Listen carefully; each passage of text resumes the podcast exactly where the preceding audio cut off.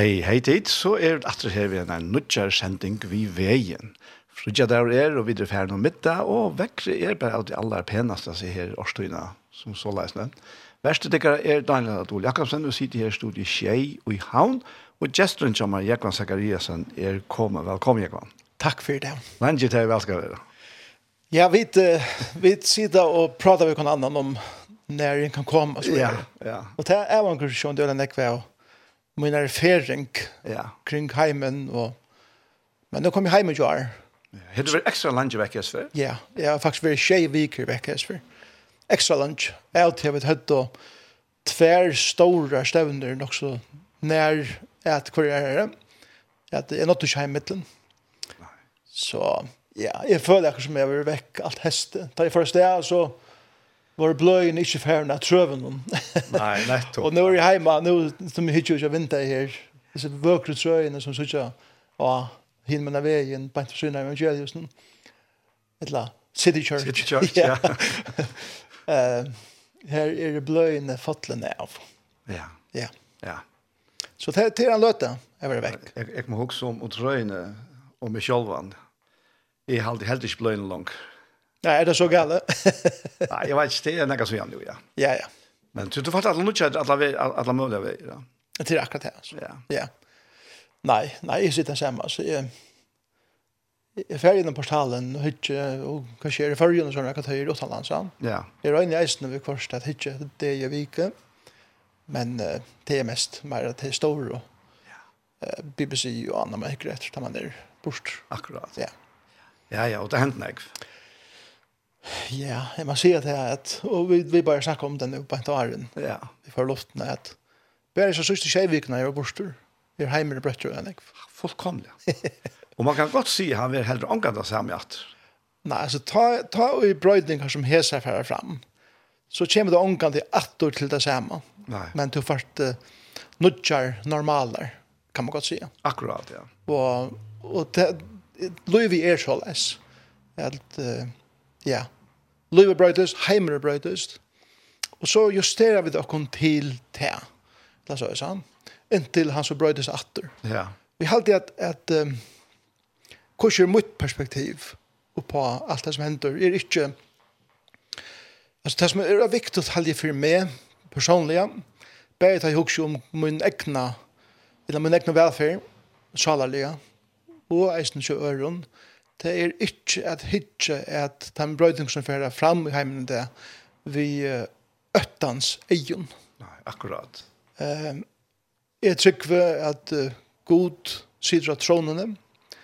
Han vet hva hender, han vet hvor hans atlan er. Og det lukka mykje hva hender mer som så. Om jeg så skulle være tidsen, dveist, eller hva det skulle være, så er det er ikke vært at han fremste tanken til åkken, at oh, når heimer så uttrykker at, at hva er det vi mer? Det er akkurat som, og hva så ja. vi mer? Ja. Eh, jeg har en utrolig sted jeg færer til, da jeg færer henne, som god har gjort mer til reier en sted, til å være tidsen hjem til ham. Akkurat. Så på den måten, i typen perspektiven, så, så er det, det viktig for meg at det ikke vil øtte om oh, hva er det nå, mm. men heller Jeg heter Støvan nå, og er lykka trykker i herrens hånden, som er vær åren nøkker brøyting fra fram. Og jeg kommer være til alle mine framheter, så lunch med livet, lykka mye kvann vi og i hessen heimer en fyr. Og jeg heldur det øyla viktig til en og kvarjen som er sett ut av Jesus Kristus. er røyna at jeg har hatt perspektivet, og eisen er at spia hatt perspektiv. Så jeg hvis vi ikke gjøre nega og bare snakka vi, Det eneste som vi så er øtte. Ja. Og ive. Og ehm um, hva det? Paulus kallar det i Kolossebraunen. Altså, diskussioner som ongan tutting här va så vera skapas ja, split ja, det var så ja, ja. man hetta nu vera te och så färra vi till uppenbarelsen och peikar för själva vers eller mm. profetierna i gamla testamentet och ta överliga hitche att ta i texten så heter det kanske pura önske vi heter Gjer. Mm. Det var så, så, så ja, för, för, för meg er det, det är viktigt att uh, vi är og några människor som har valt, valgt å följa Jesus i efter och vi sprejer hans här bådskap som är en balansa og i mitten att fri ska leva dig om og eisne att en dag kommer ta Jesus sier hertil og ikke langt. Akkurat, ja. Ja, ja. ja.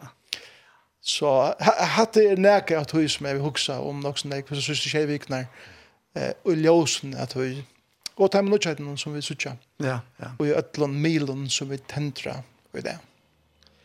Ja, nu snackar du sen rör den vi, vi får i luften men är ett skick för att han bakom uppenbarelsen. Ja. Då nämns så visst jag snart att det var det det här hövsboskapen. Tja uppenbarelsen. Halt det. Mhm. Är han i öre häver høyre til som andre sier ved samkomne. Ja, yeah, akkurat. Ja. Yeah. Særlig snart du som du, va? Ja, på høyre.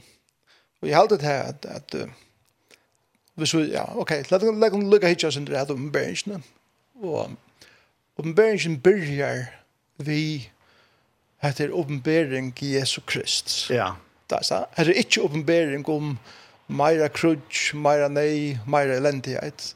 Etter åpenbering, Jesu Krist, det betyr at hetta er ein oppenbering meira og meira om hver og hesen Jesus er. Ja. og at han er lampe. Mm, akkurat. Som uh, og i öllun uh, og i allar neyina som er i sånn heimen og i, i öllun uh, iva spurningun som er mellom folk og i öllun strui og strevi mellom mennesker så er det lamsens blå eina ikke annet som skaper eh, en fullkomna fri mm. besalen til mennesken. Og åpenberingen minner oss nå at vi skulle være mennesker som hitje er tøyene rundt om oss, og være vis i tøy som henter. Eh, åpenberingen peker jo av noen ting som skulle hente. Jesus tar seg eisen om noen ting selv, og i Matteus 4:25 25, om at hikk etter tecknen og så gjør det, sant? Det som er bensje for at nek gjerra er til at vi hittir at tøyar teknen og vi fer at uh, diskutere om hetta man vera til eller ikkje og så peikar vi til møle ting og vantene sette dat og, og, og alt det her.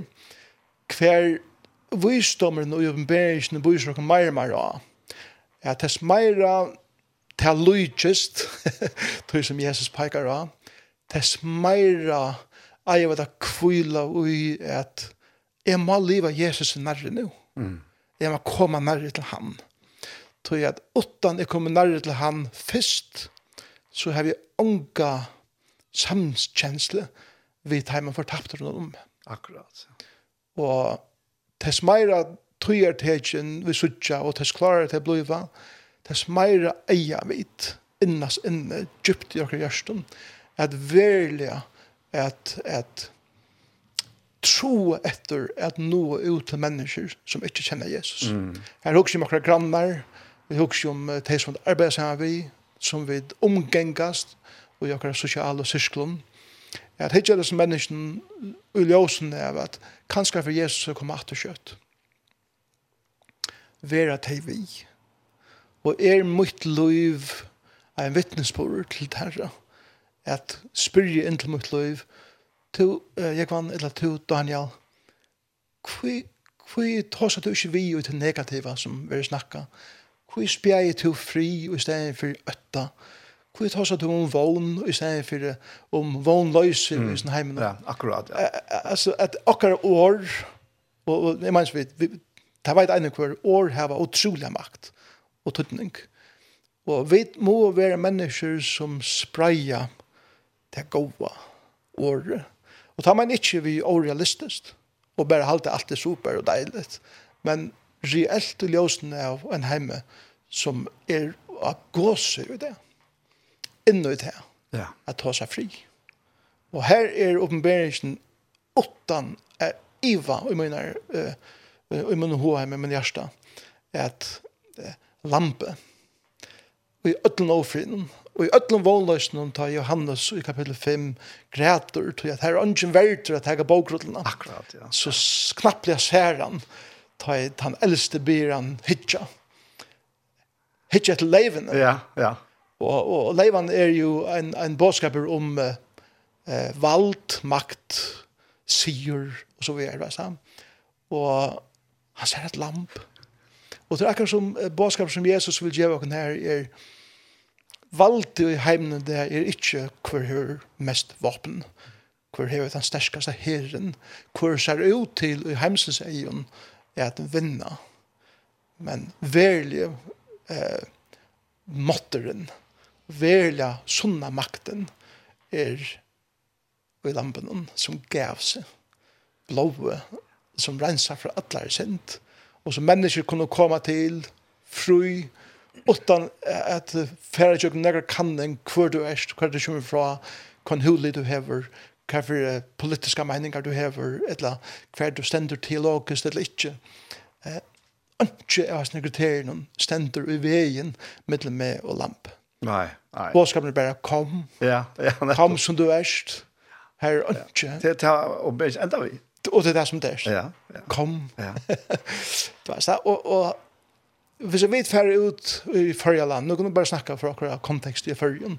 Hvis vi vet vil være mennesker som spreier handa bådskapen i førjen, så vil det nekv mennesker i, i, i førjen som letter seg ned og kottan og kvalitet, og sova bedre. Mm. Tøy ja. at uh, god er i kontroll. Helt visst. Ja. Helt visst. Jeg har alltid vært så øyla fascineret av, av, av kapitlen 4 og 5 og i åpenbæringene. Alltså, yeah. det är så Johannes firma det här. Alltså. Han vill sluta inför den kompletta, fullkomna heilalägarna. Ja. Yeah. Reinlägarna, alltså det här mm. reina kristallhavet. Ja. Kristallhavet, ja. Fullkomliga. Och han, han ständer här och vet här att, um, att här är ingen värter. Ja. Mm -hmm. Du utelöter, han skulle tracka in då av här kristallhav. Ja. Yeah. Så var det inte rent långt. Nej, nämligen. Och, och han blev jökna lustig i alla synen Svans, ja. Kvar kroker ja, var opplyster. Ja, ja. Han inte så var helt da. Det er det, alltså. Och han har alla grundlag til. Ja. Kjalt om han var Ragnar som han älskande til Och, ja, som og fylltes ved Jesus. Mest feilafri fri av dem, alltså, ja. som vi läser om lärsvännen och så vart det. Den eneste som var vid krossen til Jesus var ja. krossfester. Nettopp, ja. Den eneste som opplevde en konkreta oppenbering av Jesus settene i løven. Ja, ja Ja, ja. Det var han. Ja. Så, så, så när var det här. Ja. Och så är det han av Ötlund som ja. gräter faktiskt om sig själv. Om sig själv, ja. Ja. ja. Och, och, och ta, ta så, men ta, ta så väntar, akkurat som du nämnde. Ja. Mm. Ta han så över binom och väntar sig och, och, så ser leverna som är en lamp ens och drypa. Ja. Ens och drypa, ja. Akkurat. Och härifrån kommer så den nudges hankren. Ja. ja. Och han ökes, och han ökes. Jag lyckas hur jag läser det sista verset här och i, och i Ja, det stora crescendo. Ja, ja det är helt, helt alltså. Ja. Ja, det är sån gnudja sång och så att du värder stod att jag på grotla och allt det här. Och talet bara växer. Jag sa och hört rött men enklare och talet här var 20000 for 20000 for 1000. Og der satt vi her herrar rødt verdet til lampe i drypna for hva måtte rykt om visdom styrke heier dård og sikning. Og så sier han, han er sørste verset, og hva en skapning som er i himmelen, og er gjørende, undergjørende og av havnen. Ja, alt som tegner og i hørte er sida. Hånden som Hassan sitter, og lampen og tilhører sikningen, heier og dørten. Og måtten i alt og alle avran. Akkurat. At det er, altså, er fantastisk. Ja, akkurat. At det er fantastisk å vågne perspektivet her, og i løvnen, i hele tiden. Ja. Og, og så stærkla han jo ta, og, altså, at på forskjellige måter vi vil benke på, altså. Mm. Men, men vi er, vi er fullkomlig vært faktisk i blånen. Ja. Hvis vi teker, hvis vi teker hese versene som du just la, les, og vi teker det fra uh, hese versene, hele versen, ta, ta, ta, byrja sinja, henne snudja sinja. Ja. Det var sånn. Og ta leier oss alle veien til det siste verset. Hva det sier, hva det sier, og de røpte vi herre rødda. Ja, ja. Altså rent musikalst er at det er en sanger som hever et lengt gengande størst crescendo. Mm. Og crescendo betyr bare at det fer fra å være spektet, og det blir herrere og herrere og herrere, du vet stand? Ja. Som da du kører volumen fra. Ja, ja. Det blir bare herrere og herrere, mer og mer folk kommer vi, og så videre, inntil atler himmelen brusar av låsanke mm. til han som sitter og har sett en lampen. Men det börjar vi bare vi sånne simpla einfalda nudja søngen ja. som var søngen av teimen som uh, var vaska i og rensa i, i blåa lamsens. Ja. Men så føra hesa myndina ivert til det som vi sier i Johanne, at hvis vi kunne være noen få i førja landet som synsja handan søngen, og sida fokus i det som Jesus har gjort, og stedet for ødel det er rævlig tøyene som er høyre. Og vi uh, synes jeg bare, vi, vi er, vi er spjer av til gode årene og vånene, og fokus på hvor Jesus er, hva han har gjort. Så trykker vi at det er et crescendo det er mer og mer som kommer vi og i hans ønsken. Og det er ikke veldig fantastisk, så fyrja, følger hvert her landet som vi er en stor krysjente, og i ljøsene og i ödel myskren, spredt jeg til ljósen om at verter er han som sitter i haseten og lampe. Ja, ja, det, er ja det er altså... Det er det som er brennende ordentlig for tøyene. Ja, ja, akkurat da jeg har sett altså nu nu er jeg akkurat kommet natter og vi har haft uh, møter i uh, Tyskland og eisne, i Rom. Uh, sørste, sørste leier det, og sørste sunne det, var i Rom. Hade agent hus folk som var samlade. Og jeg sørste mennesker renna fram till att ta med Jesus. Wow. Tror at at fast samfunnet er fyllt av øtta og, og vånløs.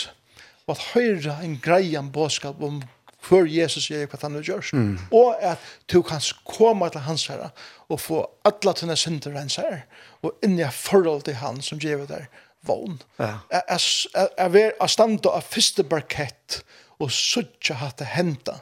Det gjør noe utrolig for meg. Hvordan folk var det helt du? 18 000. 18 000? Ja, folk og, og 1300 folk gav oss ut til Jesus. Wow. Ja. I vikskiften. Ja, fantastisk. Helt fantastisk. Og, og, og jeg stand der første prosjekt og sånt her.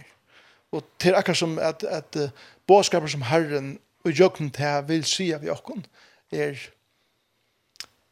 Læta det høyre at hei kunne komme til moin. Mm, akkurat, ja. Læt handa bådskapen være at han som høyrest komme til moin, öll som strevas og har tunga bilar å bæra, eller ötta, eller skam, eller hva det som skal være i løyven. Ja. Det ett sted jeg færa vi öll tøy, og til Jesus Kristus. Amen. Ongan annan. Det er onker er som færa. Du kan færa til prestar og pastorar og, og du kan kalla det hva du vil. Mm.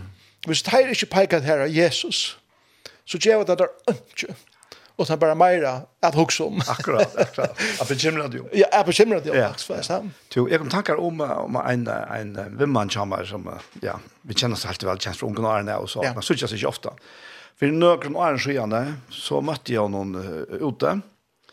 Och han kom till mig och fortalte att han är värre och helst så vill jag skrappa faktiskt. Att han är vänner runt av arbetsplatsen mm här som han arbetar.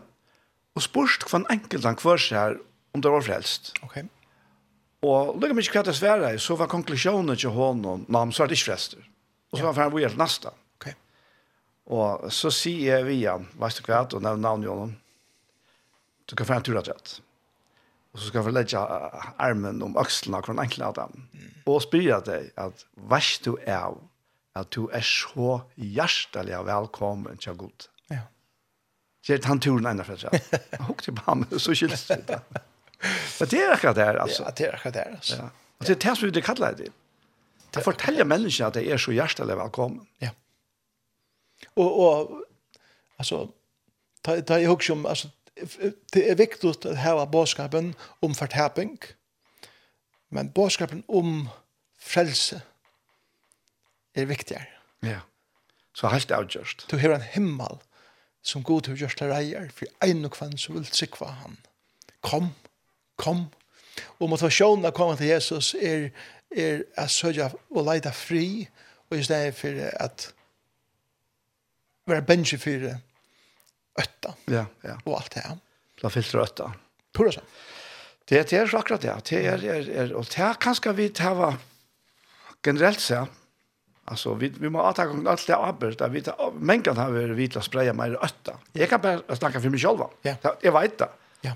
Alltså Men men alltså tog bättre så så har vi om det är mig själva hade jag ju inte att ska göra Daniel. Och alltså det man tar sig om för tapping och allt det. Som hade varit just vid en tonaleien och en huggbord i en hjärtalej som inte är vi pejefingren det mot människan. Men hellre mot vi är öppna armen att att ja, Jesus Jesus tar sig ju näck om för tapping själva. Men han gjorde det onkant och bära om att så færre tid fortapt, men helter, men er kommet at gjøre det kan lov. Ja. Så bæg må gjenge hånd i hånd. Og, og det som man via meg, det man sender etter, er det at, wow, Jesus er reisen plass for meg. Skal du være helt ærlig, Jekvann? Ja. Jeg nevner ikke fortapning og nærgrant. Nei. Og, og jeg gjør det, jeg har gjort det før sikkert, men det må være rævla lengst siden. Ja. Og til og fra tror jeg at uh, Ta i så Jesus Jesus så om, om fortapping, altså, for jeg bruker det året, vi, ja. vi, vi bruker ikke et uh, sterske år igjen. Så er det nesten konsekvent alt og vent i måten han religiøs. Ja, det er det. Nesten, nesten alt, ja. ja. At det tannveien kan noen og vente, da. Mm -hmm. og ikke imot synderen. Da. Den fortappte. Den fortappte, ja. Du, du, han er kommet og leit at du som fortapt er. Og bjerga. Og bjerga. Ja, akkurat. Ja, og han sier faktisk her at, at jeg ikke kommer å øye mann av lov, Hvis du omsitter direkte, så sier han, er ikke kommet at fortepa man alle. Nei. Nei. Og så det neste er eisene. Tai, han sendte lærersene ut, så han som jeg har opplivet altså, bådskapen fra, ja. fra Batnia. Ja. Så, så, så sier han ikke vitt der, ferdig og by folk venter vi, tog er røy ikke fortapelsen snarskast da. Akkurat. Tog er røy ikke himrøy snarskast da. Ja. Og, og ta så suttje Petur ta han faktisk vender om, ta han blir kallet av det. Ta, er, ta gjør Jesus akkurat det øvått da. Han, han sier ikke et år vi Petur om for det han blir kallet. Mm. Men han gjør denne sånne iverdimensionere ja, sikning. Mm. Inn i det som han var venner vi altså, av, av, av, av fiskja. Ja.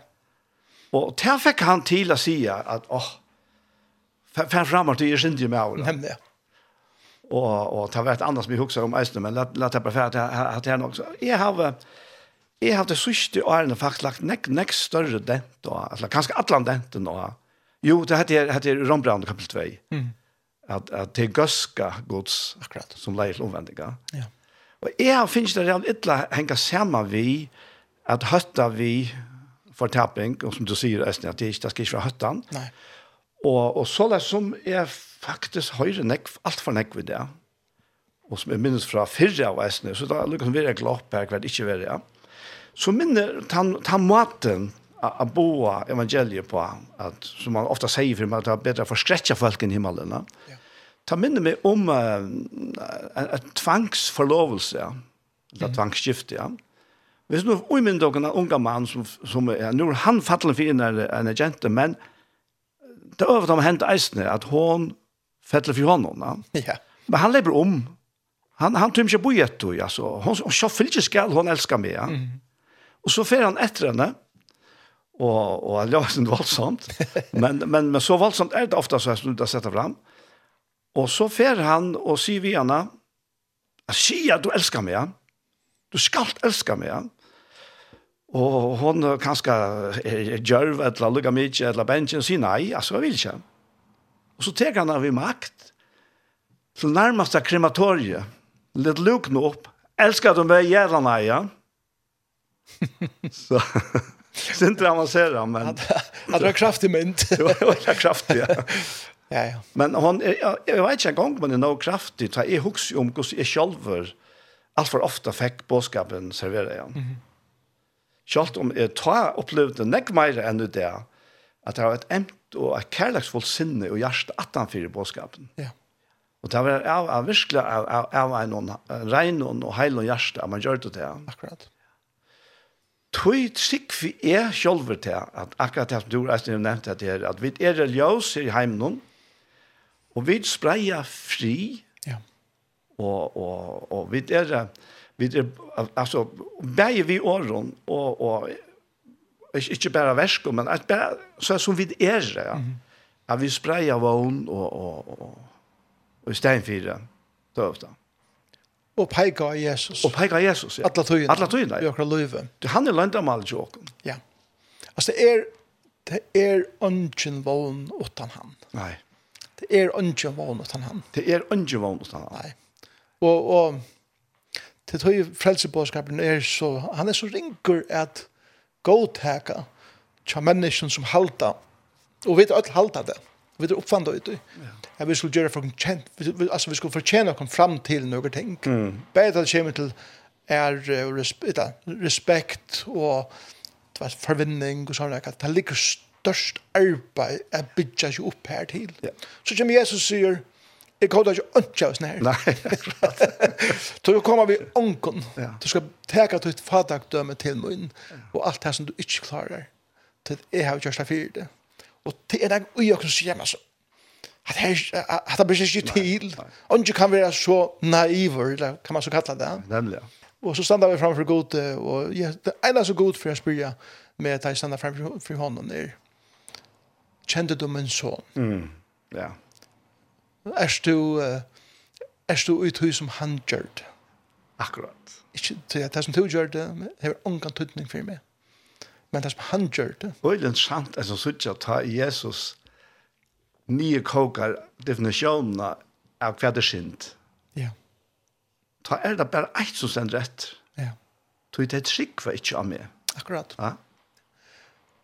Det er skjenten, da. Det er skjenten, ja. La dem lykke til å ta det her opp. Ja at her er øle avhørt, til, til at en øle stor spurning som, som er feirer reglelig.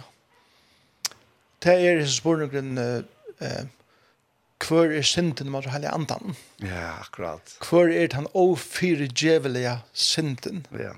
Det er, og til en kontekst hver Jesus vil, så er skurter for at heva en eller annet anda, anda Beelzebus, mm. det her. Og, og så tåsar han om det her, at det er henda synden mot heilig andan som inte er fyrirgjevelig. Mm. Hva det er til. Uh, og folk på det bensin. Ja. Tog at, uh, när har vi så synd mot andan då är ju nu fortaptor och allt det där. Men tann synden är akkurat här som du nämnde Johan. Tann og fyrirgjevelige synden är tann att du ikkje vilt være fyrirgjeven. Wow. Du erst i støvene er at være og fyrirgiven. Mm. Og at du ikke teker motor fyrirgivingen, til noktar, til at hele anden er han som samfører heimen om sin rettviset om. Og du sier, hva skal jeg vil ønske jeg her gjøre, så erst du i tøynen og fyrirgivna tilstand. Mm. Og ikke fyrir til, og det er samme som at det eneste synden som er i middelen med og god på at nu er det at ikke god Jesus som en frelser. Akkurat, ja. Det er han og fyrir djevlige synder. Ja. Men en og hver som teker mot Jesus som en frelser, hever finne fotla, fullkomna, fyrir djevling. Det er, altså, det er, altså, det er, chatten i bådskapen, tja Jesus. Ja. ja. Lukas 24, ja. Ja, ja, akkurat. Ja. Her er tve ting som kunne takk fatt i. Så han han säger att för ut och be folk att det här landet helt citerar det rätt här till att att är är helveliga du ska citera. Är blir undre på färre för för citeringar alltså helt helt alltså sitt pura butter och lust där Ja. Och jag kan tacka för det ju här. Så säger han här ja, så nog långt ner här blir jo. Ja. Ja, han säger så lät han uppvittar han. Han möts lär sig han så där skriften här och han säger vittar. Så er skriva at Kristus skulle loja og tria deg rysa opp fra hin og deg, og at og i navnet hans er omvending og syndafyrtjøving skal være prædika for öllum falkasløven mm. og byrjat i Jerusalem tider vittne om dette. Mm. Hetta var det som han sender ut til han. Mm. Og så er det til vi omvendinga. Hva er så til? Mm. Og, og vi har altså, en av høvesfætene som er at du måst vende deg fra synden. Ja. Mm. Men um, det er jo verileggen omøvelig for mennesker å vende seg fra synden. Det ene som man kan gjøre, til å vende seg til Jesus, til han kan løse oss fra synden. Ja. Og bare han. Og ikke andre. Og ikke andre, ja. Og så, så leser jeg ene for å ta uh, halvt av studiebibelen om, om uh, hodtid omvendinger. Uh, omvending, vi er frem til Johans døyberen og Jesus, Så var det til at du, du må vente derfra, du må legge av hatt, og du må ikke gjøre hatt og alt det her. Mm -hmm. Men fra, nå er jeg satt med han, fra Jesus her, så er omvending en spurninger om å få mye tankar om Gud. Mm -hmm. Altså at jeg ikke husker til at han er ute oppe og straffer meg, mm -hmm. men at han bjøver meg av firegjøvinga, mm -hmm. og tog til her ikke vi. Og så er det så reelt tydelig, Apostelsen 13, tar i her, her og i, i Antiochia og i, i, i Derby at, at, at halta eitra. Mm -hmm. Og, og, og tar er inne i synagogen her, og folk av folk kommer, og det er øyelig interessa, så kom det etter sundagen etter. Og nu er så øyelig folk, og nå ble jødene her rundt om i synagogen, det ble av en kjøkere. Mm. Og så kulminerer det i hver jobb, sindene fyrkjøring, til hetningene reisende, ja. til ødel mennesker. Ødel mennesker. Så, og jeg, jeg har haft en kjensle av akkurat han der proklamasjonen av syndene fyrtjøving, er steg øyelig av vekt mm. og i bådskapen, og rettelig lenge tog. Mm. Til lukka som øya, til bare, ja, hadde vi denne lukka hatt, og så för man vujar. Og vi kommer ikke inn i dybten og tjattene av hva det mest Akkurat. er synden er fyrtjøving. Akkurat. Jeg husker om uh, Rambra kapittel 12, veisne, vers 2, at her vi... Um, endur nudjan sinnestikkara. Ja. Og ofta så var det helt det at nu må vi bare skifta i sinne til at bli positiv, at bli go, og gjøre det røtte tingene og så videre. Ja. Men det er akkurat som at Paulus sier, og ljøs noen av ødlen som jeg har sagt fra kapittel 1 til og vi vers, nei, kapittel 11 som tåsar om rattvistgjering av trygg. Ja.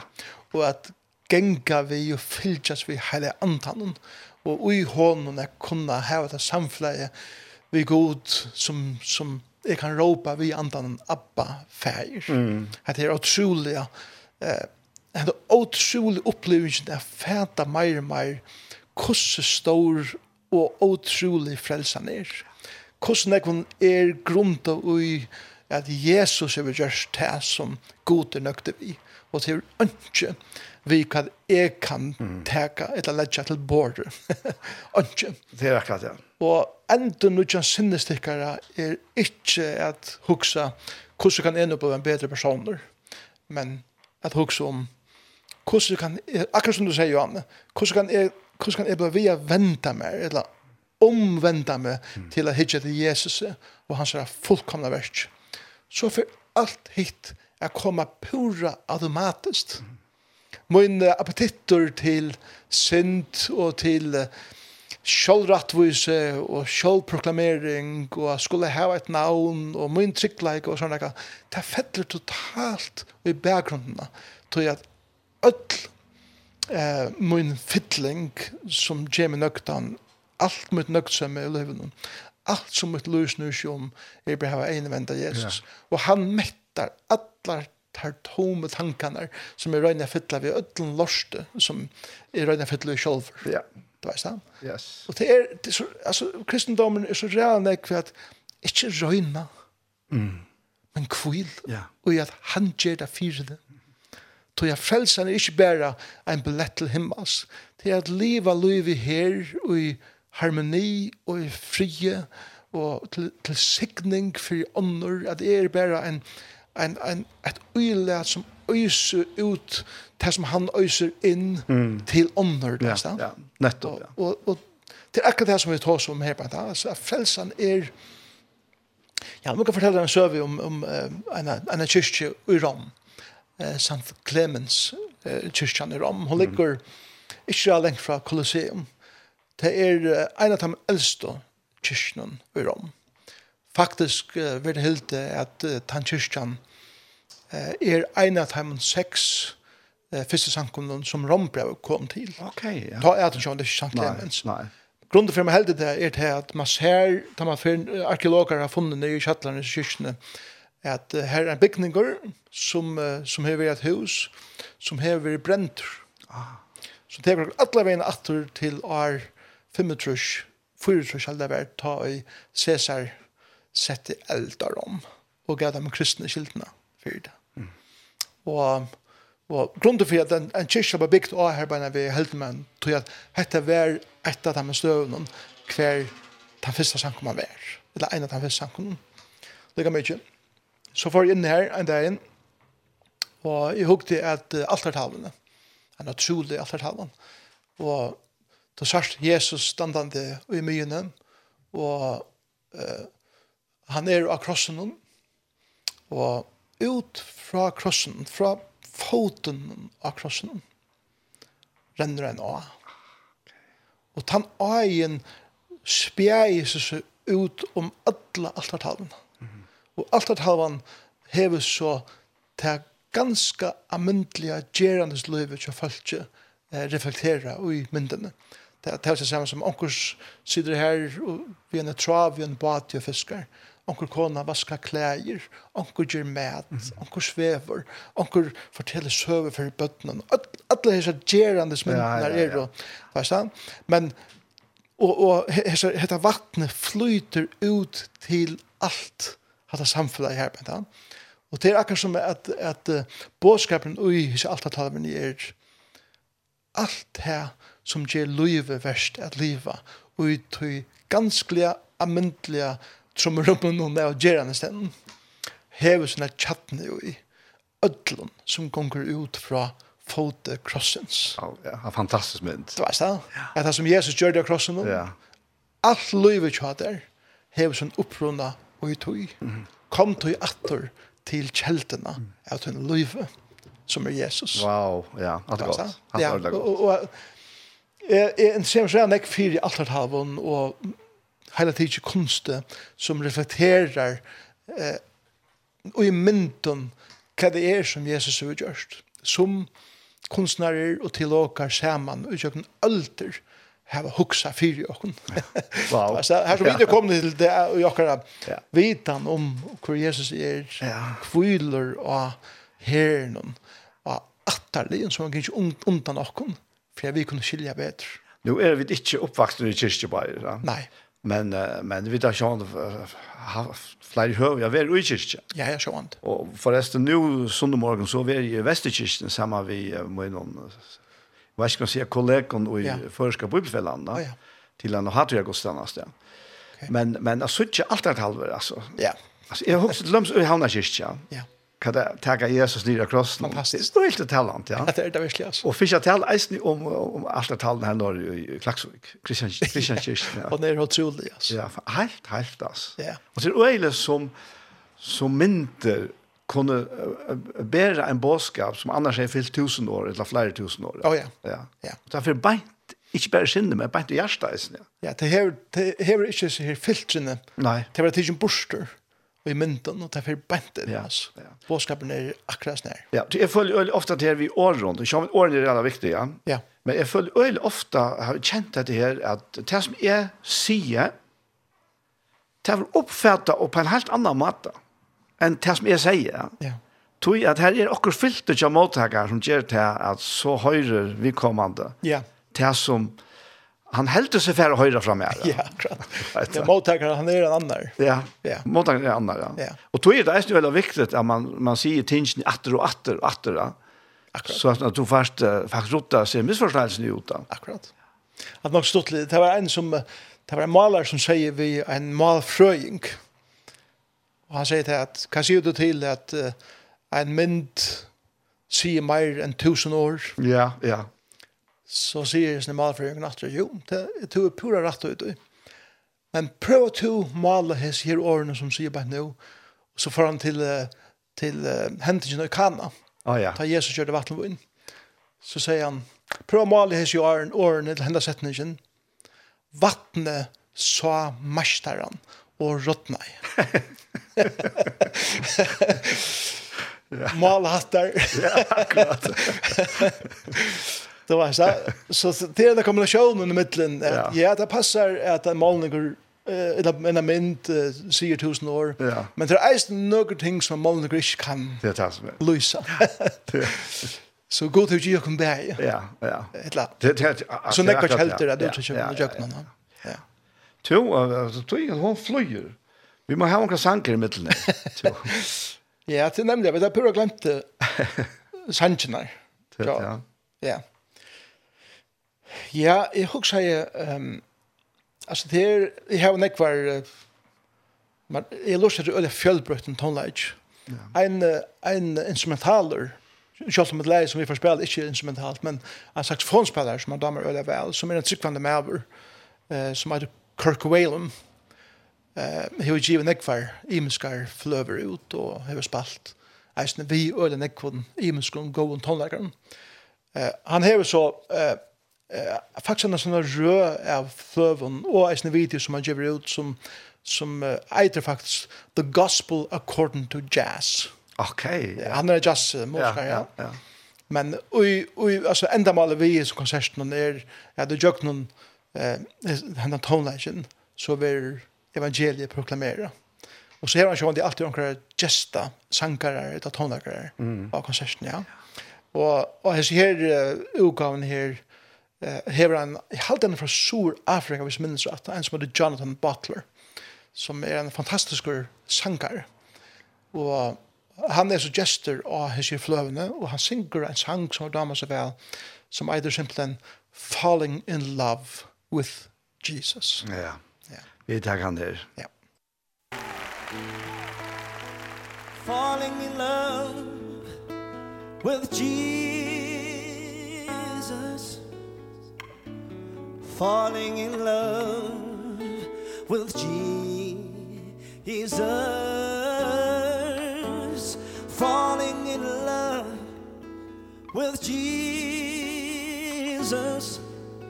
was the best thing I've ever ever done. Oh yes oh yes oh yes. Falling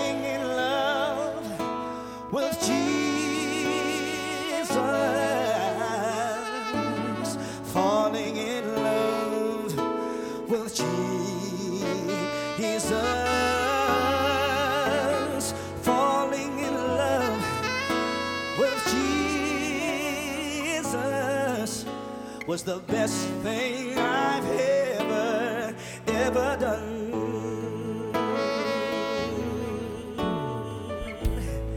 In his arms I feel protected. In his arms Never disconnected No, no.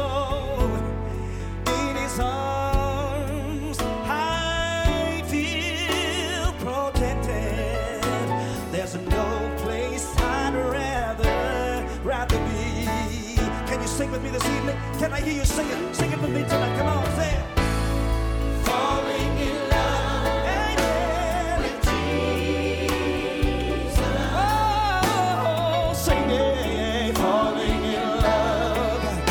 Can you stand up and sing with me tonight?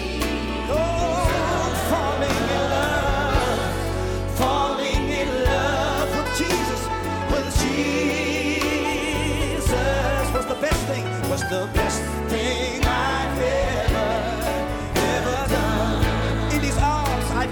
protected.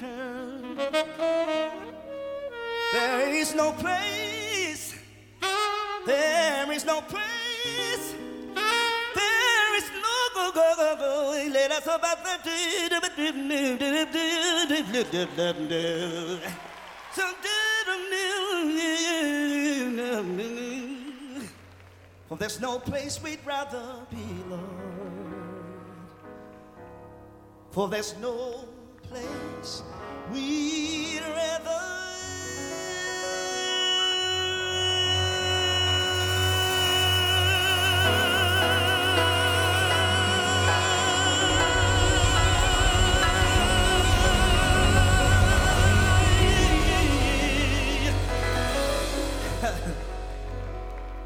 Hallelujah.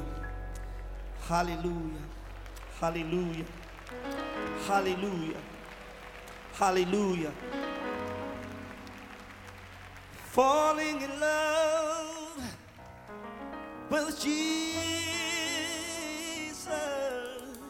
Glory be to God. Falling in love with Jesus.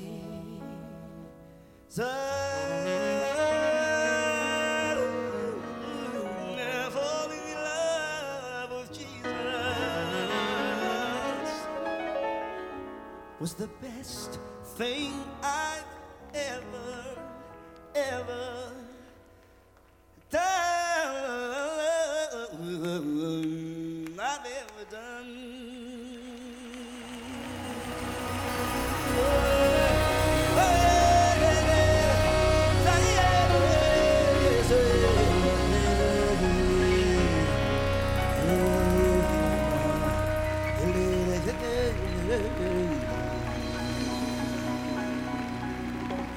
worship God. Amen. Hallelujah. Father, we give you praise tonight in Jesus' name. Thank you, Lord. Ja, jeg vann Falling in Love with Jesus. Han ble nok så lenger. Ja, ja. Men altså, han sangren, um, han er øyland, altså, einfaldt han bådskap. Og det er, altså, kom til Jesus. Ja. Eh, kjeldan til Atlan Karlaga kjeldan dallan fri. Og det smarra vi der her, det smarra standa vi beundrande om hver han er, mm. hva han er gjørst. Og jeg kommer mer og mer her til min liv at ja, det smarra hitja til yes, det smarra fettla under ting i bakgrunden, altså. Ja, ja. Og, og nekvar av timen, og nei og diskussionen og klansen som er mellom folk, den hugg som tryggande folk eh hade fått fått borster om vi hade mer fokus på vad det är som Jesus gör. Ja, för han är. Ja. Ja. Helt visst alltså. Han är um, till öl han är vitt fönter. Ja. Och vitt fönande alltså. Helt fantastiskt. Och, och vi gör vi vi gör alltså tro på läkare alltså det är så marsta. Gör kon strö och av mankon. Anka teknik har vi väl läkarna. Ja. Färdig halt vi vi vissa ting som stand i Bibelen, og gjør at jeg blasser det opp.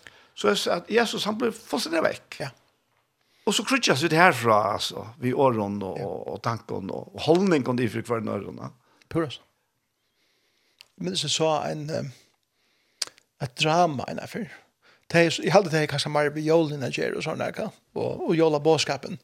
Men det er eisen en sannleggje for løyve at, at det drama er at, at Jesus var akkurat som i sentrum Men så blir alla jólagavnar og allt pente og öll öll stingin där så. Till ända var Jesus totalt veck och det var murer av öll öron framför då så. Ja. Och till öda det var det var verkligen alltså det var ramande för mig så tjata. Kan kar tische bör pure spärra var jolen men hela tiden. Ja. Som du säger, vi gör sekundär ting till primär ting og primær ting til sekundær ting, ja. og vi, alt blir en pervedling om hva vi gjør diskusjoner om, og holdet kommer inn i spelet, og jeg skal vinne mitt argument, og det er bedre enn tøyt, mm. og alt det her, samtidig som jeg bruker sommervers til at argumentere akkurat posisjoner og så videre, at Jesus ble totalt vekk og gjør til nesten her. Altså. Og det som undrer meg enda mer til det at og gjør alt det så eh, fløymer hans av nøye eisen i hatter. Sjølt om okkon som seta han til ja, søyes akkurat. og i akkurat teologisk diskusjon om fløyter hans av nøye inn i te eisene og han sier det er ok med bøten. Ja. ja. Høyde det bare finnes mer eier av min son. så nøye rykker Jesus. Du, ta, ta han dukkar opp i sankassanna. Ja, akkurat. Akkurat. Ja, kom hem, jeg skal vaska der. Ja, kom. Det var svenker og... Ja, akkurat. Trøtter. Akkurat, ja. Ja. Og jeg husker jo ofte om Johannes 15, hva Jesus tar seg om etter, du vet det. Greinene er som ikke bra det mm. en borster, du vet det. Ja, ja.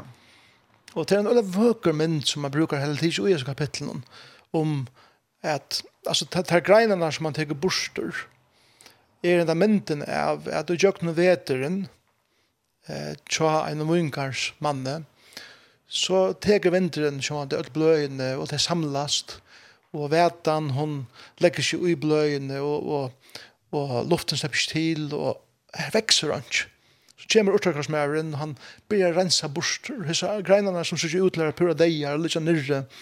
Eh, at året teker borster er faktisk, det betyr bare at lytta opp. Mm.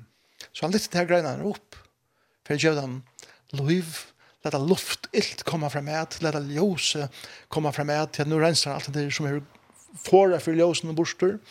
Og så sier han at for jeg kunne bæra meir avvøkst. Og så var det så, så fra å bæra meir avvøkst, bor det nikvan avvøkst. Ja, ja. Det var stand. Ja. Og det er akkurat som at uh, jeg husker øyne til, og til så ljusen, det er det som Jesus sier i vers 5, og i Johannes 15, at åttan med kunne tid ikke gjøre.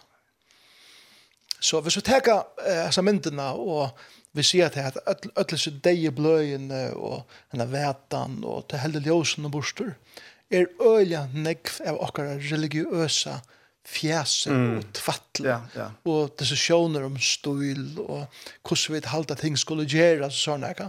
At det blir sånn ek fokus at her, hva Jesus sier, hva skal jeg kan jeg som var fremme at som orsdagersmæren er beint, jeg renser sender ut. Kunde slippe det kunde även några tickar programmen. Ja. Kunde slippe det kunde vi vi några tickar atlanen og visjonen og prat om hattar og hettar mm. og lade meg være at han som blir og Och tickar samkommet. Ja, ja. Det var så. Og så knappt jeg fra tog for för att så wow. nå blir det bare avvøkst. Og det blir mer avvøkst. det blir gående avvøkst. Det var så. Det är ju ärligt. Nå hooks jag spärren för er nå husker jeg alle sum som er ferdigst i heimen. Det er øyelig få samkommer som sutja nekk folk kommer til omvending. Mm. Ja. At her, at det er reglerligt i okkar samkommer at folk færre i rom fra deg til liv. Være endrefødt fra mørkere enn i ljøs. Være døpt, være eh, opplærd i eh, lærersvennagjering for å blå stersk og Mm man man man nästan undrande wow onkel blev frälst jag kanske han och jag är ja ja. Det så som det är kanske som ha hade era vänner kanske som är så naturligt som som hjärtaslotteren själver ja. akkurat liv? Och jag spyr mig mig själv när jag spyr men kvui och jag tycker att det tror jag vid är så nalvaskående och så upptagen vi öll hesir dei bløyene som vi røyne bonkra mat blåsa løyv i hva vi skulle sige, og bønnen som kommer være, ta be om saler. Ja, men her er det noen som visste reise bort til fire, at, mm. at vi kunne bære den avvøkst. Ja. Holdningar. Holdningar og alt mulig. Ja, ja. Ja, ja. det, det, det er sannhet. Vi har brukt for uh, nekvun sløvun av uh, reformasjon, bæg okra sankum under kyrkjon, og eisen i okra egnu luivun. Ja. Ja.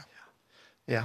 Det är alltså oj oj Johannes 15 är är dentre lagter av avväxten som kommer från hon. Det är som bär han han är vinträja. Han är vinträja. Ja. ja. Og, og juice från tuträna för ut och greinene. Og hvis du ikke er ju i tränen så så jeg vi det komma. Nej, det är det. som er det. Og vi vi bara fana borster och jag Det är något helt speciellt vi har suttja av varet här i i i knupparna kommer. Ja. Yeah. Jeg har så sagt firma meg til at ja, men, en til løvshevjen, hun er blivet så stersk og kraftig, nå slipper hun ikke langer ut til når greinen ender, ja. og så spranger hun seg ut, midt av forskjellige stedene. Ja. Og så kommer knoppene, og så kommer nødja greiner, nytt løv, og, ja. og her førjen kjenner vi ikke til akkurat den gangen, etter han de avvøkste trøven. Nei, nei. Men ja, vi har jo bare runder så så, det har vi da. Ja. Men, men, uh, men det er lukkast mynden, men eisen bare sjål bløyene er det her, at det er ruslet av seg lyskraftene som fer jøkken træja. Og hatte mynten han hever, Akkurat. Ja, okkona. Og, og, her. og, til, og til er det tydelig åsen nesten nu i hans vintan. hva Jesus så gjør bøyene om elske kvann annan. Ja, ja. Det var sant? Ja.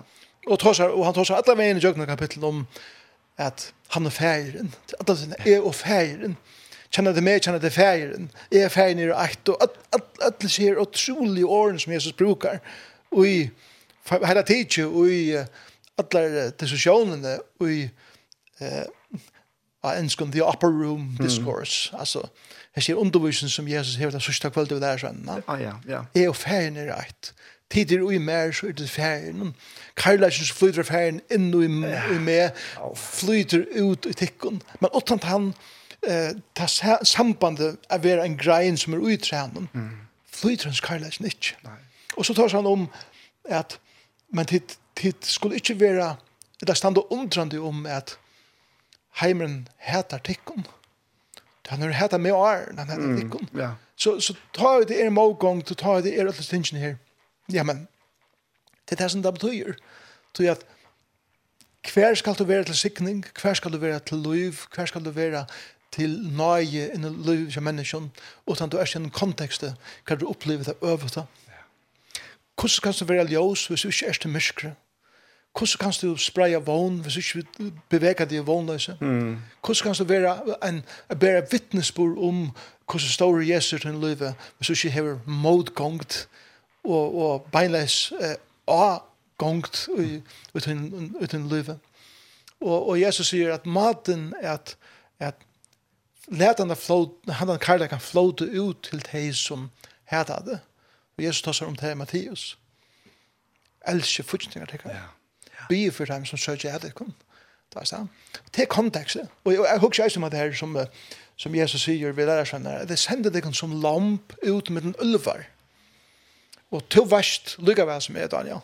Jeg tar en lamp, et lite vakt, lamp vil blæke ut i mittel svenkar ulvar, så verst du lagna til landen. Og det er det her skratt sundur. Og det som Jesus sier vi okkon er tid er lamp mm. som er køyre ut i mittel ulvar. Og einast av vånen for tikkun er til at tid vera skratt sundur. Men er i vittikon. Ja, amen. Er i hiren. Ja. Og ui prosessene er vært skrøtt sånter, bliva ulvar lamp. Ja. Amen. Til maten. Ja, ja. At vi djev okken, at det er ikke vi makt mot makt, at vi brei evangeliet ut, til vi er mye gleika, vi vånene om, og vitende om hvor han er som vi peikar av, og om mitt liv skal være skratt sånter, så vet jeg, og i tog tilgangen er mitt liv vil offra. Mm. Kjemmer liv ur. Ja. Yeah og mulig har min fortjente vært han, som vært han neste evangelisteren. ja, det hade hatt det. Et det var ikke hva det som skal være. Ja. ja. Og hadde det er et perspektiv, hadde jeg som man hører det lydig om. Øyla lydig. Så jeg vil leve i en samfunn hver alt hever vi rydde med å gjøre, og framgångt, og eh, komfort, og så gjør det. Og det er en tryggvann det skal være skal være at Jesus er vimmer, og du skal ikke ha trobleikar i løven. Mm. Men kristendommen som Jesus tar seg, var ikke det. Det var nemlig at det kommer ikke an på om livet er godt eller ringt, eller om det er harsht, eller, eller komfortabelt. Hvis er det tjattnen til liv. Det er akkurat det. Så her som du er, og så som du hever det. Lyga mykje om du er da haksta, og haksta råk, eller helt nere i sjåarmalen, så er du et ljós og en sikning her, ja. som jeg har sett. Det er nemlig det, ja. Det er, altså, og han er og ver chatnan ut i hela. Ja, det er det. Det är och det tas man så säger Eisen här. Han säger han säger här i i Lukas 12 halt det är så inte fist rigos och rätt och han säger så ska allt detta vara givet och omflant va. Och och halt är Markus Tutsche här här här i i i Rige en unge mer en chem till oss här og og jeg halder det her at han tar sig at her vi er videre farne fra ødlene. Ja. Og så gjør han lyft jo om, ja, men altså, til få alt atter. Ja. Begge her og her. Ja. Akkurat. Men han er ikke hatt med. Akkurat. Det er, er altså, du kan, ja, det er et uttrykk som vi først vil brukt. Vi tar så om kristen virer. Mm -hmm. Og det er ikke et bibelsk uttrykk. Nei. Og i hele tiden. Nei. Tog, Bibelen tåsa ikke handan forstand om virer, men om eit vire. Mm. Og ein virus garant. Mm -hmm. Og det er Jesus. Ja. Altså, det kristna vire eide Jesus Kristus. Akkurat. Og, og jeg halte av oss man ni som seg om at her, man løser imenska sikningar fra honom. Mm. Og så liksom dyrka man tær sikningarna, ja. Men løster fra honom så er det veldig ikke sikningar, ja. Det flyter ikke noe Nei. er så langt. Nei, det, det er det som er. Ja. Han tror det var verst. Jeg, jeg, jeg minns på en av avtalaver av en. Jeg, jeg tar seg om lærersvenner. Mm. Og jeg tar seg om motivet til at heimen er fyllt for Jesus.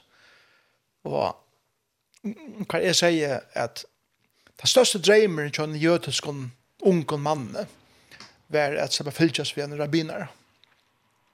Tøy at så var uh, framtiden bjerget så har du et, et trygt starv, du har respekt, og særlig i en, i en honor culture, og du har alt som din familie har brukt for. Sånne må en fylkesfinner er binare, wow. Eller jeg kan sørge for min familie. Og så kommer Jesus og kallar sine lærersvenner. Og tar er fiskemenn, og tar er tottlare, og tar er og tar sånne som faktisk tar det mest vånen om at vi blir nek i samfunnet. Outsider. Outsider. Vi må strujast. Vi tar som akkurat familie hever i atterlig strujst vi. Uff, når man er teka iver fiskeskap ikke pappa min, du veist da. Og tog sende det at tar tar skunta og ser at jeg er sjetter og rymte fra baten og ikke pappa min, du veist da. Og hva Jesus, det er ofte tås av at lærer seg, tar gå alt opp for jeg fylgja Jesus etter. Hva Jesus, nei, nei, nei, tar akkurat øvått tar hugsa endelig å i ifra hesson, jeg får nega beter. Ja.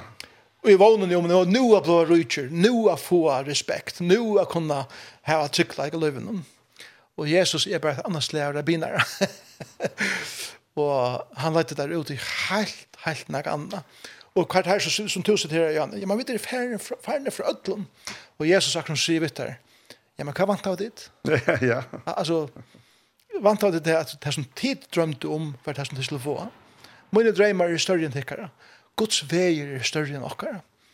Guds tankar er djupere enn vi nærkere kunne fæta. Og tog, tog okkara, okkara som okkara oppoffrande av noen tingene, så vær det kanna motivene for det er øyelig ofte sjølvsøk.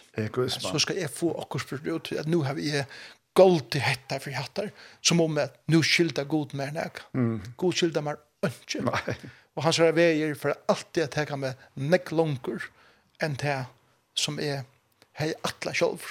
Og öle ofta nek och. Mm. Tror at det er det och og det er det eh det trubla som ofte er vi til å att okkom og gjøre okkom konsters. Ja, sannhet. Det er Ja. fullständigt sannolikt det er det hever, hever en pris att flytta så. Det här då.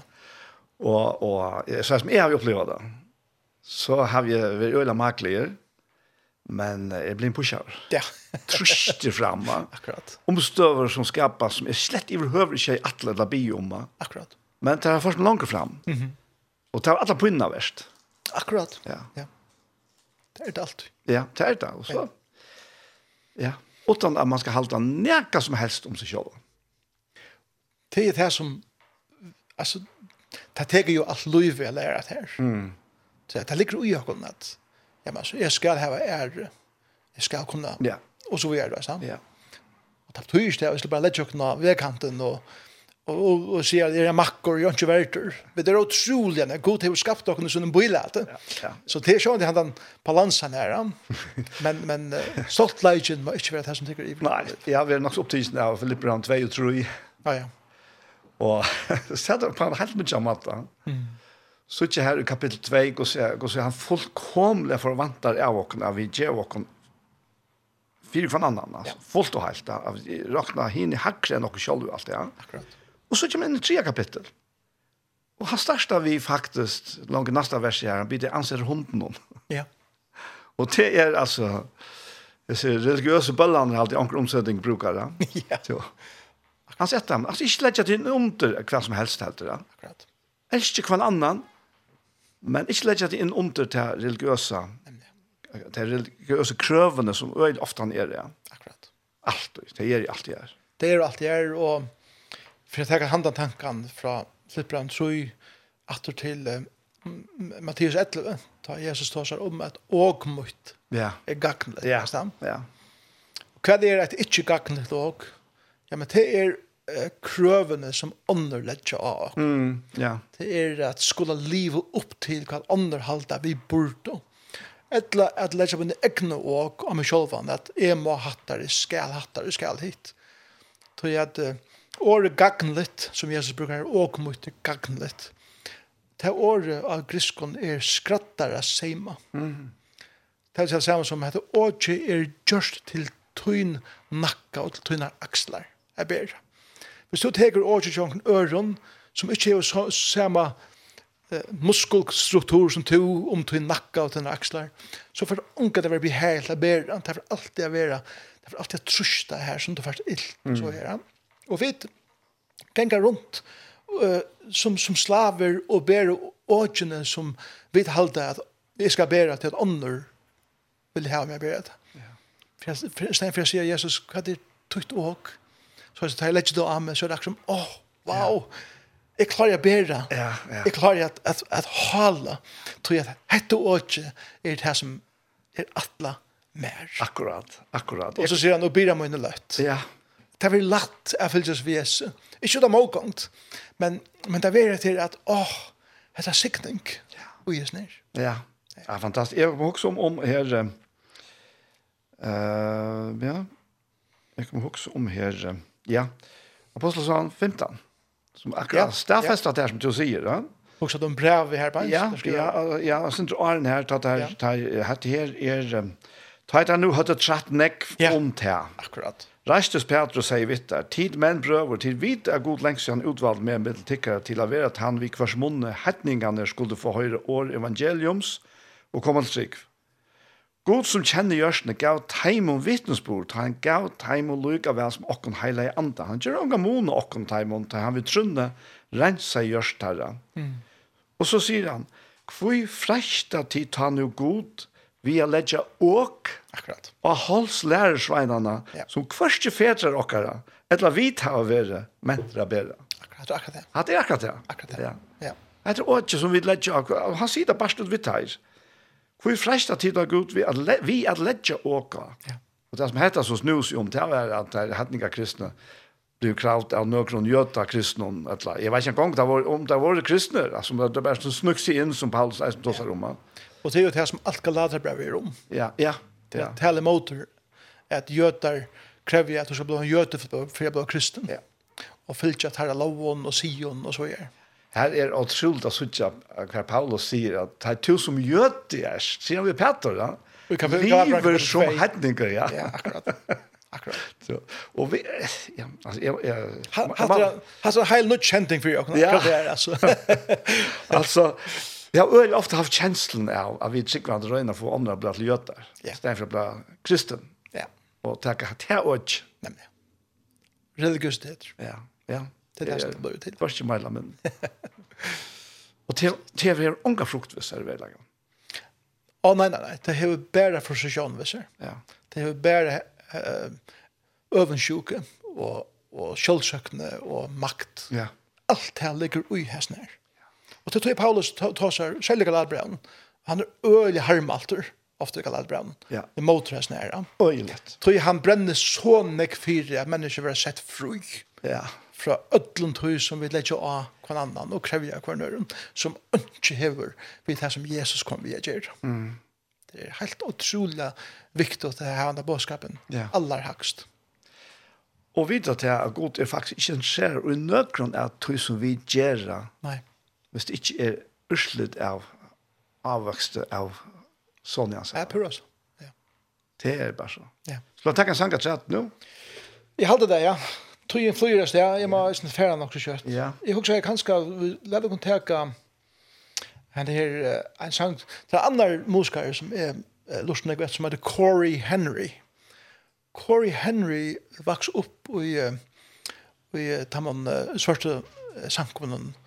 i Brooklyn.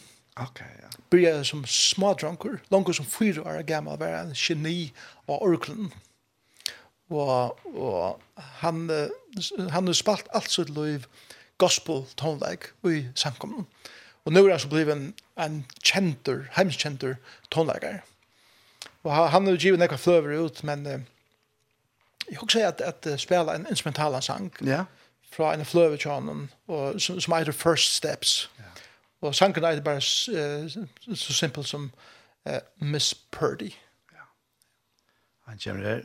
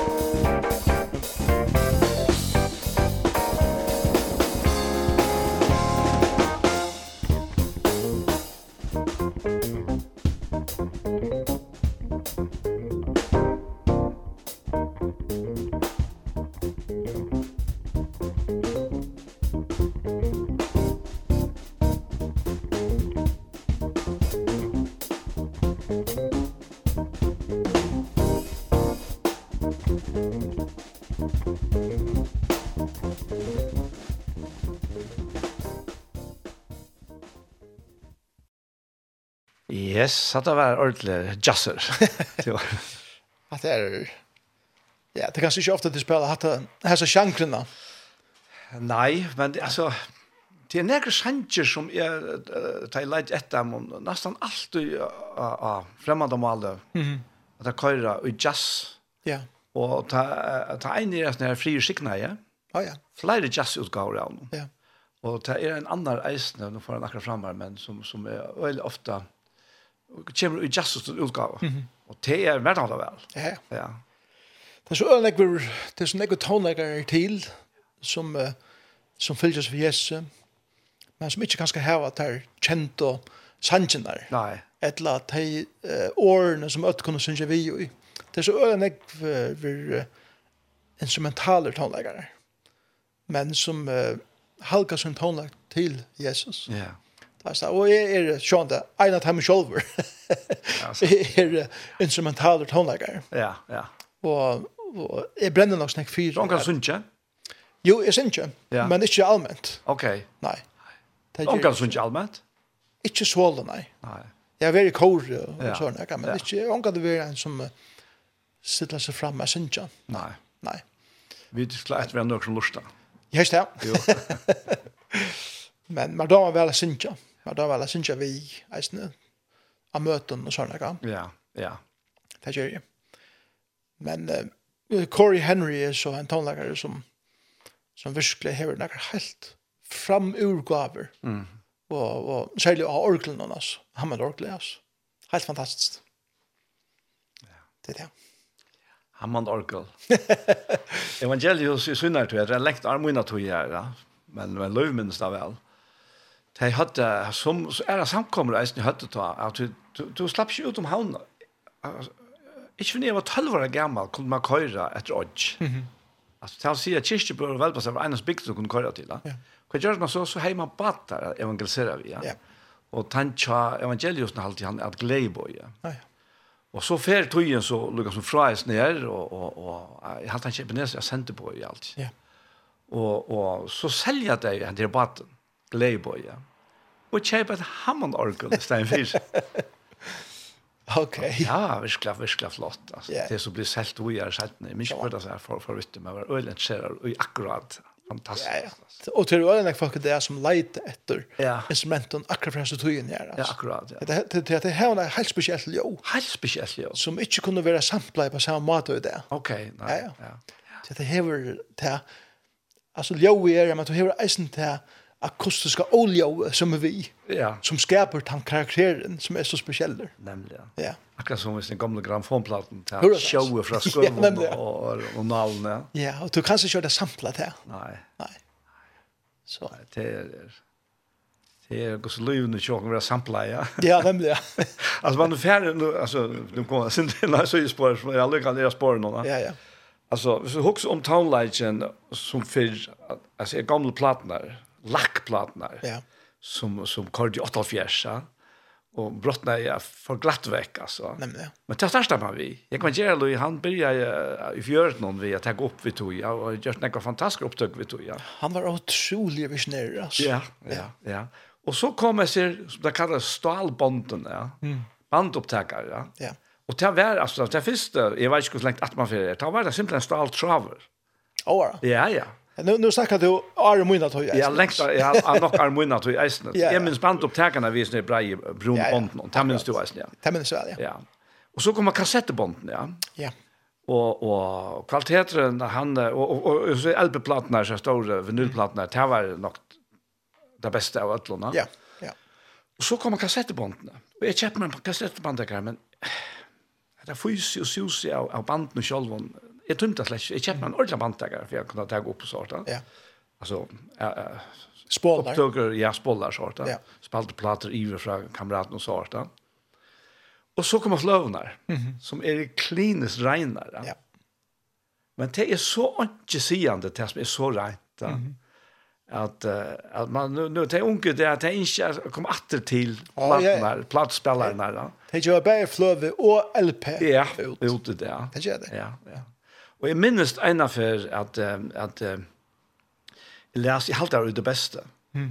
om, om at jeg gjør det første trommemaskinen, mm -hmm. at hun var så perfekt, at hun lå som en maskinkjøvel. Akkurat. Og så måtte jeg ikke sette en knapp på, som jeg kallar for en humanizer. Da. Okay. Som gjør det faktisk til at takten ble ikke så rein og, så perfekt, som perfekt som skulle være. Akkurat. Så ble det bedre. Ja. Akkurat. Han sier akkurat det. Ja. ja. Men er det ikke eisen så er det jo akkurat løyve her? Prater kanskje i vei og rettviser. Hvor vil du forkomme deg selv? Ja. Altså, å være perfekter er kanskje nemlig at ikke være perfekter. Ja. Men å være ekte av at hvis, jeg, hvis vi ganger til en totalare rytme som alltid er lykke, mm. så er løyve rævlig ånd, sant? Øylet, ja. Her har ikke vært sjån løy. Og kanskje er det et av de som uh, klassiske tonleikar hever fram om rytmiska tonleik. Ja. Sjálv om rytmiska tonleikar er varierande, så er klassiske tonleikar utrolig varierande, bæg i rytme, og eisne i tema, og eisne i volum, mm. og så er det sånn. At det reflekterer på omkring måten verleggende er hvordan lika med kjøkken er. Det er at som man det er ganske kjøter nærere, Ja. Som det er for mig trøttere enn är. Som det är er egen som er trøttere enn är det er. Og så videre, så. Og det er en øyelig vekker eh, realiteter av livet. At Gud har skapat oss så kreativt. Mm. Att Sjalt om ungen er okkur akka luka, og ungen er okkur hefur sama DNA, ungen er okkur hefur sama egna leit og rødt og hva det skal være, så er sjalt innafyrir alt det variasjoner tja en einstakling ikke eisen. Ja, ja, ja. ja. At brøtten til Amerika kan være trøtt her til enn å være jar, og så videre, ja.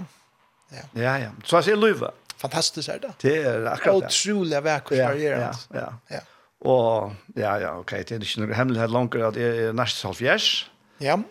Og, og det er helt klart at jeg kan ikke se meg som jeg kunne ta i 20-30. Nei. Selv om jeg i det føler meg nek bedre til tilpasset enn jeg gjør det for 20 år siden. Ja Du tar lukka som uh, gjør det akkurat ikke fysisk. Da. Okay. Og det må, lika med må det skal gjøre akkurat fysisk. Da. skal det. Man brukar orsk for å få orsk. Ja. Det er ikke man. Ja, ja. ja. Ja, jeg må si at jeg er ikke ordentlig her enn, altså. Jeg, jeg føler ikke enn at jeg orker minne, altså. Nei, det det er er nei, på nekka man det ikke med lukka vel. Altså. Ja, ja. Kvikkheten er ikke her og og og og ikke alltid at knøyne vilja til samme som er tar skal renne et lett landa. Jeg har nok sett at vi skulle blakke ut av fotbollsvallen nå knappt. Ja, nemlig, nemlig, ja. så jeg må si, ok, jo, i må vi kan det at det er ikke lukka kjøtt langt. Men det er fantastisk som jeg ser her. At det her skjermen og gjesten her at bli eldre. Ja. Det er virkelig en skjerm. Det er det. Det er, det er så mye har du opplevd. Det har vi uppleva månen fra at jeg bøttene ikke var her, og så kom det, og det virker som det er en evighet å få det. Akkurat. Legge blæene av, og, yeah. og, og, og færre skola, første skola, og så, og så til lengst av vaksen. Og. Ja, pura sans. Ja. Og jeg eisen bare frelse her at det ikke er løven, altså. Ja. Man er ikke lykke bensin, man er akkurat som, jeg har ikke misset. Nei. Helt så jeg sa. Akkurat det. Det er, det er fantastisk. Ja. Det er det. Men jeg kan i halte vi færre bare rundt av her nu. Vi tenkte på om du ja. kunne sluta av jag bena bön men helt också legge til at endelig. Nej, vad ska vi så vi begynner på noe nytt evne nu så sitter vi tvart hemma så. Det ja. Så jeg halte vi gjør det halte vi en nødvendig sent også. Ja. Ja, men det är ordentligt hundralt. Ja. Takk tack för det at du bjør bjöd her, ena for en. Ja, men det er det varit åter till. Ja, det er jag visst nå något så lätt Ja, som lätt. Så jeg vil gjerne be. Ja. En bøn. Ja. Så har vi takka deg fire og i, i det at kunne sitte sammen som heter prata og jeg ber her om at det som vi kommer fram med det må være til oppmuntring og etjan for mennesker. Særlig heter at to er han som er akkurat frier, to er akkurat vån, to er akkurat alt og eit. Og jeg blir her om at uh, mitt liv og akkurat liv skal, skal jeg kjenne seg hæsson at uh, lukka mykje kvæt er, og lukka mykje kvæt hender rundt om meg, etla ui mer, så er Jesus min eneste vogn, min eneste trygge kletter er kommet til. Be for en og kvarjen som lustar bare nå, om det er bil, etla sikla, etla flikva, etla er du heima, eller hver det så er du herre, at du møter dem akkurat her som de er, du kjenner deg, du kjenner kvantørv, kvann tanka, hver står. Og her kom to inn, og vi tar omstøpet nå. Gjør det ståren, nev vi øger tar livet som to vest, teg og er sjølver tørve av nomen alt her. Og må vi kjenne at hun fri, og i ofrien som valgte sin heim i det. Vil du gjøre okken tunne kvult og i møyene som er i menneskjen i det. Vil du gjøre okken eh, karlæka og i hætrunnen som er mittel mennesker i det. Hjelp oss å være spreiere og spjeiere av av glede og vogn av løyve og mest av ætlen av løyvenen som to har vært kjeva i ivflå til tarra som kommer til tøyen og teka imot det her som sunne frelsere og byrja genga sitt liv sammen med det her. Så her er tætst der fire, et fullkomna versk av krossen.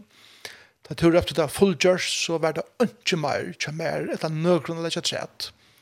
Det var fullgjørst. To hever gold til fire. Og ferien var nøgter, jeg sutja hva du gjørt. Takk for det. Takk for oppreisene, at stafestingen av tusen du gjør det Golgata var stafest i hesen, at du komst ur deien, deien og natter, og hever løyve i tunne hånd, og bjøver mennesker som kommer til tøyen, løyve i uflå. Hjelp åkna liv i hæsen. Takk for ja, vi kunne være her der sammen, og sykne disse sendingsene, og at hun bare være vi og kommer vi er. Vi navn. Amen. Amen. Amen. Amen. Jeg går an tusen takk for at du kom, Stein Davin. Lange dagen etter du kom hjem, at du lenger fer. Jeg husker, jeg skal bare få, få det gjørs på en av det. Ja, ja. det er det. Ja. Men to, vi har en sang enda vi her. Eisne. Ja, jeg husker jeg nemlig at nå tar jeg, uh, nå tar vi det enda vi bøn, så bare har en sang om bøn. Ja. Og det er uh, Kirk Franklin, og det er altså fløven, som, som hun eiter Losing My Religion. Ja Hon är nämligen om att det är färre från tog religiösa och komma till Jesus. Ja. Och så är en hälsosankren är sjönde och han hade pray for me, mm. be for me. Och han är syndrom att det är att ta och vi släpper religion så är det en, en liten sort, en liten mittenbil i mitten att ha släppt religionen och att finna välja samfunnet med Jesus. Hver det er et tomrum, for alt ser svart ut, alt ser vånest ut, hva hender nå nast hvis jeg slipper i hesson, er nek jeg tror vi, og sangen er jeg sindre om at det er, pray for me, til en bant nu strys vi noen ting, men så enda sangen vi at, men det er dere bia. Ja, akkurat, ja. ja. og så er det en fantastisk sanger, og han er en utrolig rødt, men da er han så vel crispy rødtene til han. Ja. Han synker sjolver, her bant. Han kommer her,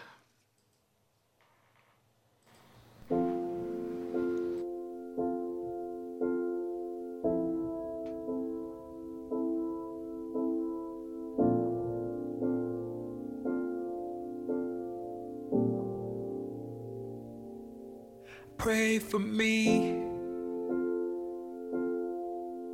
I'm afraid that I'm about to lose it all.